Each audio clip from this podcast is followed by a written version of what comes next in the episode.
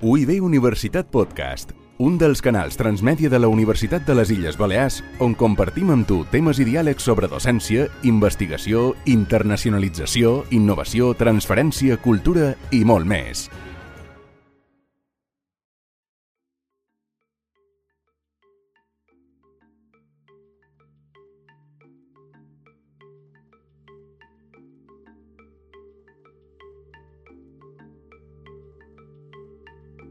Encetam un capítol més d'En quin món vivim, reflexions sobre un nou ordre mundial, un podcast de l'Oficina de Cooperació de la Universitat de les Illes Balears per enfocar allò que sembla més, un, més que una era de canvis, un canvi d'era, no? És un poc el lema d'aquest podcast. Som aquí a l'exterior de l'edifici Mateu Orfila de la Universitat de les Illes Balears, amb en Xema González a la part tècnica i qui vos parla en David Oliver.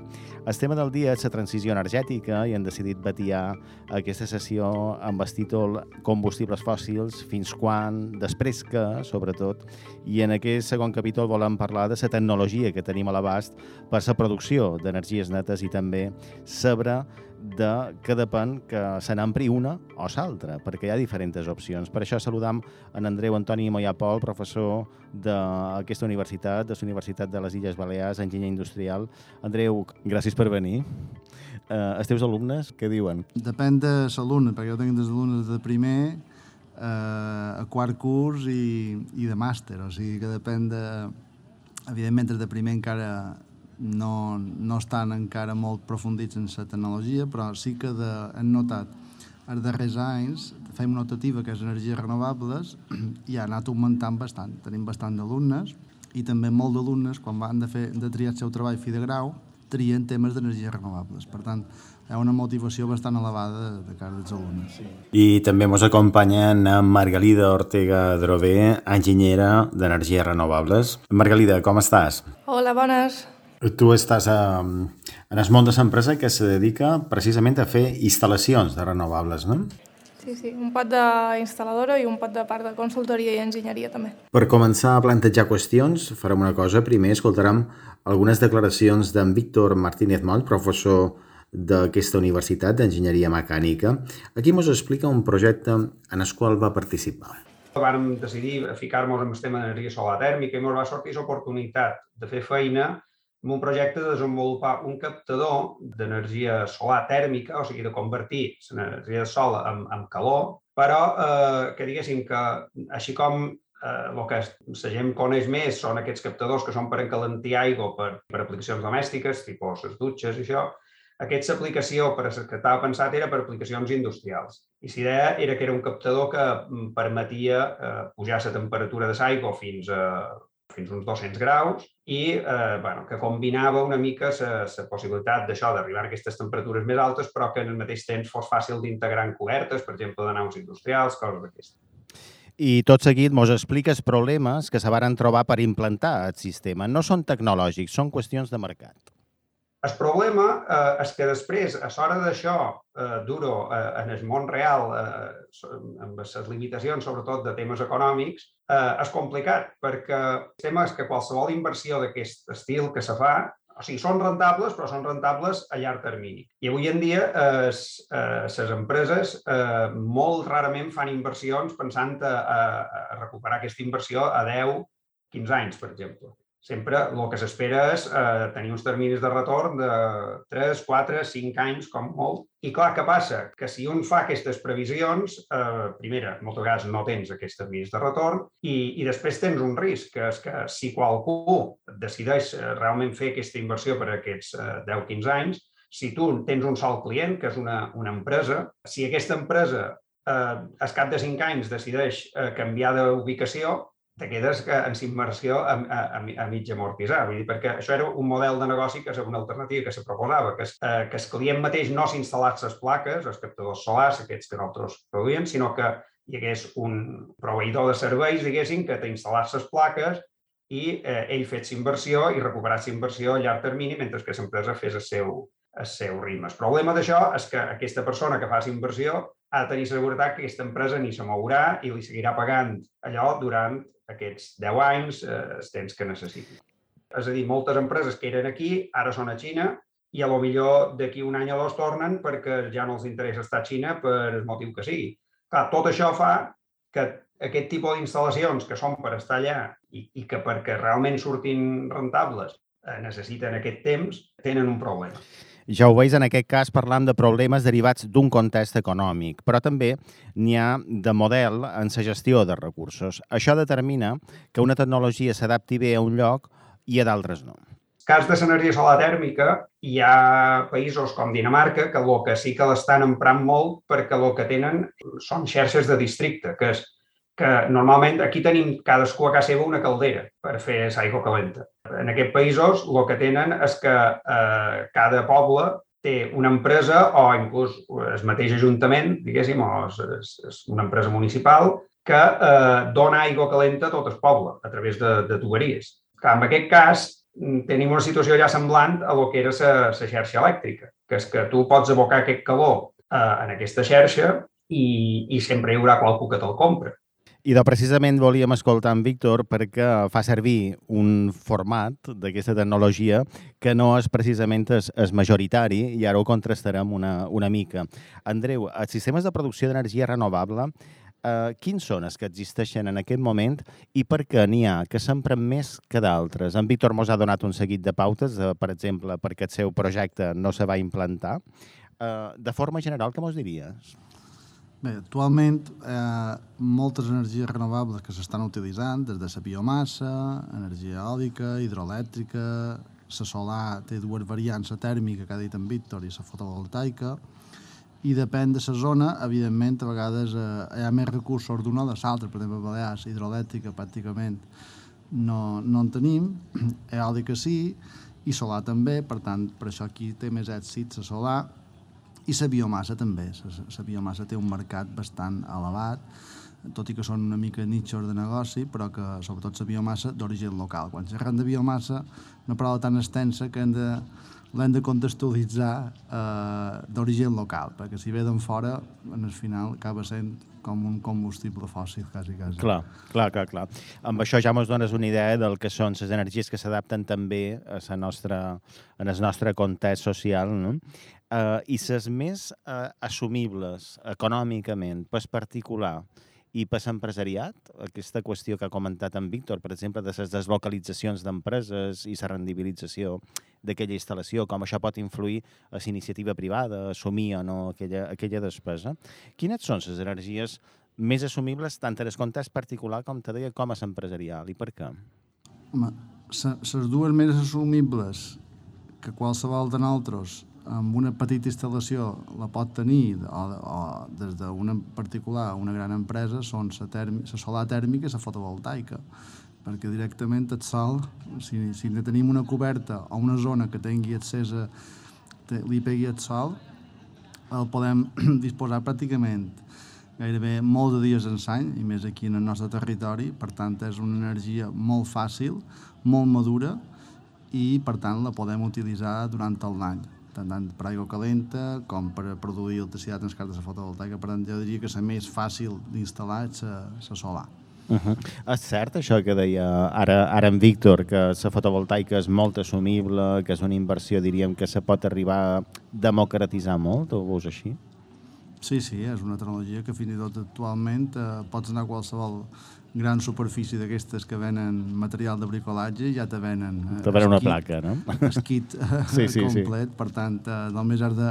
Si, d'endollar correctament el positiu, el negatiu i l'inversor i pràcticament amb, amb una instal·lació molt, molt senzilla com endollar un, un electrodomèstic eh, podem començar a produir la nostra energia. Val. Uh, com està feta una, una placa? De què està feta? Abans, en el capítol anterior, parlaven de, de minerals, per exemple. No? Quins materials la, la conformen? En el cas de la fotovoltaica és bastant senzill. Eh, té un material semiconductor que generalment sol ser silici. El silici el tenim per tot. L'únic silici que s'emplea per a eh, fer les plaques ha de ser un silici d'alta puresa, per tant, no per tot podem processar aquest silici eh, i llavors té una part d'un vidre i, un, i, un, i una part d'alumini. Per tant, és una tecnologia relativament senzilla i amb poc contingut de minerals a diferència d'altres tecnologies que són més complicades. Sí, sí, sí. Farem una cosa, eh, abans de continuar fent eh, altres preguntes, eh, escoltarem una altra, una altra declaració d'en Víctor Martínez Moll i després, si vols, Margalida, mos contes una mica coses de la teva feina, d'acord? Jo el que m'agradaria pensar és que sí que se farà aquesta transició cap a un altre tipus d'energies. Eh, el que sí que crec que no, probablement la gent no és prou conscient és que això implicarà canviar hàbits de consum. O sigui, no se podrà emprar l'energia que un li doni la gana, que és el que hem fet fins ara. Hi ha moltes coses que, que crec que no són, activitats que no són sostenibles, no són sostenibles de cap manera. És a dir, ara eren sostenibles perquè estaven gastant un recurs que, no, que d'aquí un temps no hi serà. Uh, abans de, de comentar el que acabam d'escoltar, mos expliques una mica en què consisteix la teva feina? Sí, tant. Uh, nosaltres ens dediquem uh, a l'enginyeria del món energètic i de renovables. Fem tant dissenys com estudis, uh, simulacions, projectes executius uh, d'energies renovables concretament solen ser quasi sempre fotovoltaiques, ara que està en expansió. Uh, també fem temes de certificació energètica i auditories energètiques de grans empreses. I després, per una altra banda, tenim el que és instal·ladora, que uh, se destina bàsicament a, a fer projectes dur a terme projectes de fotovoltaica. Val. Per tant, per tirar endavant qualsevol d'aquests projectes, fas una avaluació de l'energia que se consumirà, etc. En relació al que estava comentant en Víctor ara, Uh, aquest canvi David, seran necessari? És a dir, les noves tecnologies ens permeten fer un ús de l'energia com el veníem fent ara? Uh, permeten, ho poden arribar a permetre, però és un altre tema si haurien de, de permetre-ho. Uh, si tu tens una casa fora vila i tens molt d'espai, tu pots arribar perfectament a cobrir sense problema tot el teu consum, diguéssim, com els que tens actualment. La cosa és que hem de tenir un, un pot de seny i intentar anar a reduir primer de tot l'energia que consumim i després anar a cobrir-la amb fonts renovables. Uh, una casa normal de, de poble també pot cobrir, si tu adaptes el teu consum una mica a lo que és el perfil de producció de fotovoltaica, també pots arribar a cobrir-lo. Però uh, l'idea és que tu mm, sempre hauràs de fer una mica d'esforç perquè el teu estalvi sigui el major possible, tenint en compte que el recurs renovable no, no té aquesta característica d'estabilitat o que ens fan creure que té uh, un altre tipus de recurs. Sí. Uh, mirant una miqueta el conjunt d'enginys en què feis feina, els recursos tecnològics en què feis feina. Abans uh, mos comentava en Andreu el tema de que tu pots anar i comprar una placa a una gran superfície, però supos que hi ha plaques que són un Ferrari i altres un biscúter, no? Sí. què, què hi ha en el sí. mercat? Quines gradacions hi ha? Uh, el que són plaques... Uh, molta cosa ve de, ve de la Xina, al final, sobretot el que són les cel·les fotovoltaiques, uh, sí, fotovoltaiques que estan de, dins el propi panell, pràcticament la totalitat de, de la producció ve de Xina. Llavors, uh, diguéssim que uh, per triar un poc la placa uh, hauràs d'anar a uns temes més de, de lo que és uh, connexions, uh, temes més d'acabats, estanqueitat i sobretot un tema que, que és molt important, que són les garanties. Una placa fotovoltaica t'hauria de durar 25 anys. Uh -huh. I uh, n'hi ha moltes uh, marques de menor qualitat que te'n te donen 5 de garantia, quan Val. en realitat n'haurien de perfectament donar almenys 12 o 15. Val. Aquí, Margalida, per tant, un tema important, a veure si mos orientes. Sempre diuen allò de, sí, faràs una inversió inicial, però la recuperaràs en tant aquest temps en què estaré a recuperar-les, és temps en què llavors ja hauré de posar unes plaques noves? No, eh, tindràs un període molt llarg de, de que serà estalvi, to, totalment estalvi, fins que no hagis de tornar a posar aquestes plaques noves. El que són els altres components, com és ara l'inversor, el cablejat elèctric, això pot tenir una vida útil més curta. Els inversors no solen passar dels 12 anys de garantia en, en cas de qualitat més alta, però eh, el que són les plaques en si eh, estan fetes per tenir una vida molt llarga. Val, val. I eh, el que és la tecnologia en la que feis feina, això també m'agradarà molt sentir l'opinió d'en Andreu. Tu penses que serà estable durant molt de temps quant a que serà la que estarà en bus, que serà la habitual, o està a punt d'arribar qualque cosa que no sabem que és, que farà com un tomb en el mercat, molt més eficient, etc. Jo crec que ara, per, sobretot per un tema de cost, uh, aquesta serà, jo crec, una tecnologia, diguéssim, base, de que tothom seguirà posant fotovoltaica durant una temporada llarga. I després, paral·lelament, jo crec que s'aniran traient tecnologies alternatives que intentin pintura dependre menys d'aquestes uh, làmines de silici que, que s'obtenen bàsicament de, de mercats xinesos. Uh, llavors jo crec que acabaran sortint, uh, de fet hi ha molt de, moltes altres tecnologies a part del silici que s'estan estudiant des de fa molt de temps i que poden en qualsevol moment convertir-se en, en, en un nou tipus de placa comercialitzable. Sí. Andreu, com ho veus això? Hi ha qualque cosa a punt per arribar? Bueno, amb investigació hi ha moltes coses, el que passa és que quan veus que una, una tecnologia no acaba de, de sortir del laboratori i passar a nivell comercial, perquè té, sobretot hi ha moltes d'aquestes nous materials que potser se degraden molt aviat, el que deia abans Margalida, de, que després no arribaries a amortitzar l'inversió a nivell, a nivell d'investigació hi ha infinitat de material que s'estan provant i, i de combinacions però moltes d'elles no arribaran a sortir. Jo estic d'acord amb ella que almenys a, a curt plaç no crec que ve, vegem un canvi molt dràstic en la part de captació d'aquesta energia o transformació. Sí que hi haurà un canvi molt, molt dràstic en sa, el que serà la gestió i l'emmagatzematge de l'energia. Aquí sí que eh, està present una revolució. O sigui, cada vegada eh, gestionarem millor l'energia i fins i tot d'una manera molt més intel·ligent i a eh, curt plaç o mig plaç. És a dir, ja no pensarem, mm, anem a suposar, que potser anirem a encendre la rentadora i la rentadora no se posa en marxa perquè sap que aquell dia no hi ha suficient energia i esperarà a demà posar-se en marxa o esperarà a les 12 de migdia posar-se en marxa. Per tant, ja ni siquiera nosaltres haurem d'estar pendent d'això. Ella mateixa se comunicarà en el sistema de producció fotovoltaic i dirà eh, en les previsions meteorològiques d'avui, a les, a les 12 i 45 me poses en marxa. Sí, sí, sí. sí. Farem una cosa, escoltarem un darrer tall de bou d'en Víctor Martínez Moll abans de anar cap a les darreres preguntes d'aquest bloc i té molt a veure amb el que tu ara estaves comentant, la necessitat de millorar l'acumulació no? d'aquesta energia. De moment sembla que el que hi haurà és una tendència cap a cada vegada més emprar aplicacions eh, amb, amb energia elèctrica i jo el problema que li veig són dos. Una, el tema de recursos. Quins recursos necessitam per poder fer aquesta producció amb energies renovables, que són unes energies bastant difuses i, per tant, necessiten també molt de material per, per posar plaques solars, per posar aerogeneradors. Però, a part d'aquest tema, eh, hi ha un altre gran problema que, que s'ha de veure com s'acaba solucionant, que és el tema de l'acumulació perquè ara mateix eh, els sistemes d'acumulació que tenim que encara són més intensius en recursos i, i no està clar que, que les necessitats d'acumulació per això eh, ara mateix no està resolt.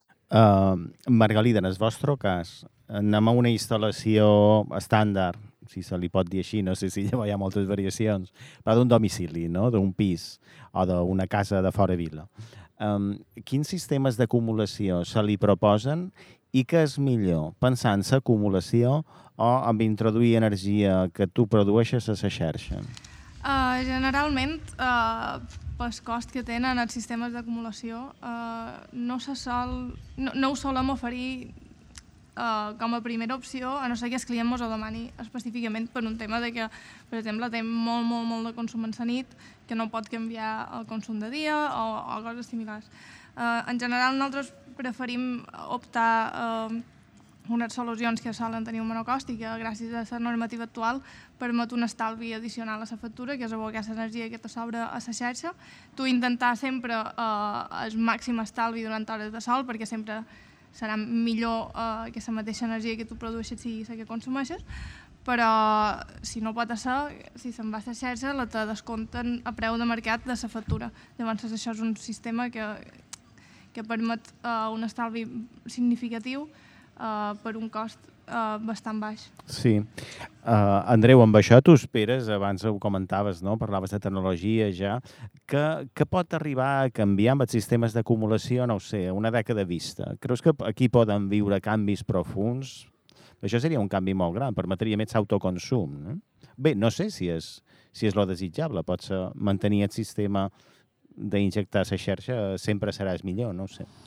No, jo crec que l'emmagatzematge ha de canviar molt, i més el que dèiem, el que dèieu abans de, dels minerals, aquí sí que, eh, sobretot les bateries, hi ha dues, dos tipus de bateries que se poden utilitzar, les més a nivell domèstic o a nivell fàcils d'implantar són les de, que també s'estan implantant en vehicles elèctrics, són les de, de liti i fòsfor, que aquestes sí que requereixen una extracció a zones, a, diguéssim, països del sud o zones ara actualment en conflicte bèl·lic. Per tant, Uh, per tant, uh, haurem, de, haurem de canviar aquest tipus, potser haurem de tornar a més a les que utilitzàvem fins ara, que són les d'àcid i plom, que és un recurs més fàcil de més omnipresent a nivell mundial, o canviar altres tecnologies que fa anys que s'estan se, xerrant, de, en so carboni, en so grafè, etc etc. però també se pot acumular de moltes altres maneres. Diguéssim, per exemple, l'hidrogen és un, una tecnologia interessant per acumular energia se pot acumular tèrmicament, és a dir, que tu pots posar, quan tens excedent d'energia elèctrica, acumular tèrmicament a la vivenda, sigui per la calefacció, l'aire condicionat o l'aigua calenta. Per tant, hi ha moltes maneres d'acumular energia i que jo crec que són les que ara eh, hi ha més, s'està treballant més a nivell, eh, a nivell científic i hi ha altres maneres com hidroelèctrica mateix, vull dir, l'aigua també és una manera molt senzilla d'acumular energia, simplement la, la puges una determinada alçada i després ton, pots tornar a recuperar l'energia, evidentment amb una petita pèrdua d'energia, però també lo de la xarxa, evidentment, és interessant, el que passa és que el problema que tindran les companyies elèctriques és que si tots ens posam a instal·lar fotovoltaica, eh, elles també hauran d'adquirir sistemes d'emmagatzematge hauran de gestionar aquesta energia perquè pot ser que hi hagi qualcora que els dissolvi l'energia i mos diguin atureu vos. Sí. Per tant, jo crec que és millor internament intentar fer la millor gestió possible abans d'abocar la xarxa. D'acord. I do, per acabar aquest bloc, donam les gràcies a en Andreu Antoni Moya Pol, professor d'aquesta universitat, enginyer industrial, i a Marilida Ortega Drové, enginyera d'energies renovables, i vos deim fins aviat amb una darrera pregunta. El canvi de paradigma energètic vos atreviríeu a posar-li data quan ja no se fa servir petroli i ja han passat una altra cosa? Quan penseu que això pot passar? Jo m'atreviria a dir que Europa serà molt abans del 2050, que s'estava Molt abans del 2050. Sí, amb aquests preus actuals, molt abans. sí, perquè això condiciona. I tu, Margalida? Si incloem transport, Ventura hauria d'allargar una mica jo, però si anem a xerrar de xarxes elèctriques i, i consums més, de, diguéssim, de, de cada dia, jo també li posaria no manco, el mateix. El mateix, el mateix. I de gràcies a tots dos. Nosaltres aquí tancam aquest segon bloc d'aquest En quin món vivim dedicat a la transició energètica. El proper bloc parlarem amb persones que ens donaran la seva visió des del moviment ecologista. I fins aquí aquest segon lliurament eh, d'en quin món vivim dedicat en aquesta transició energètica en la qual estem immersos. Seguiu-nos, hi ha més continguts, ja ho sabeu, penjats a les xarxes socials de la Universitat de les Illes Balears. Encara mos queda un altre capítol per parlar d'aquesta qüestió, d'aquesta transició energètica i el que deim sempre, atents i atentes, que potser estem enregistrant en quin món vivim algun espai exterior de la Universitat de les Illes Balears. No deixeu de seguir-nos.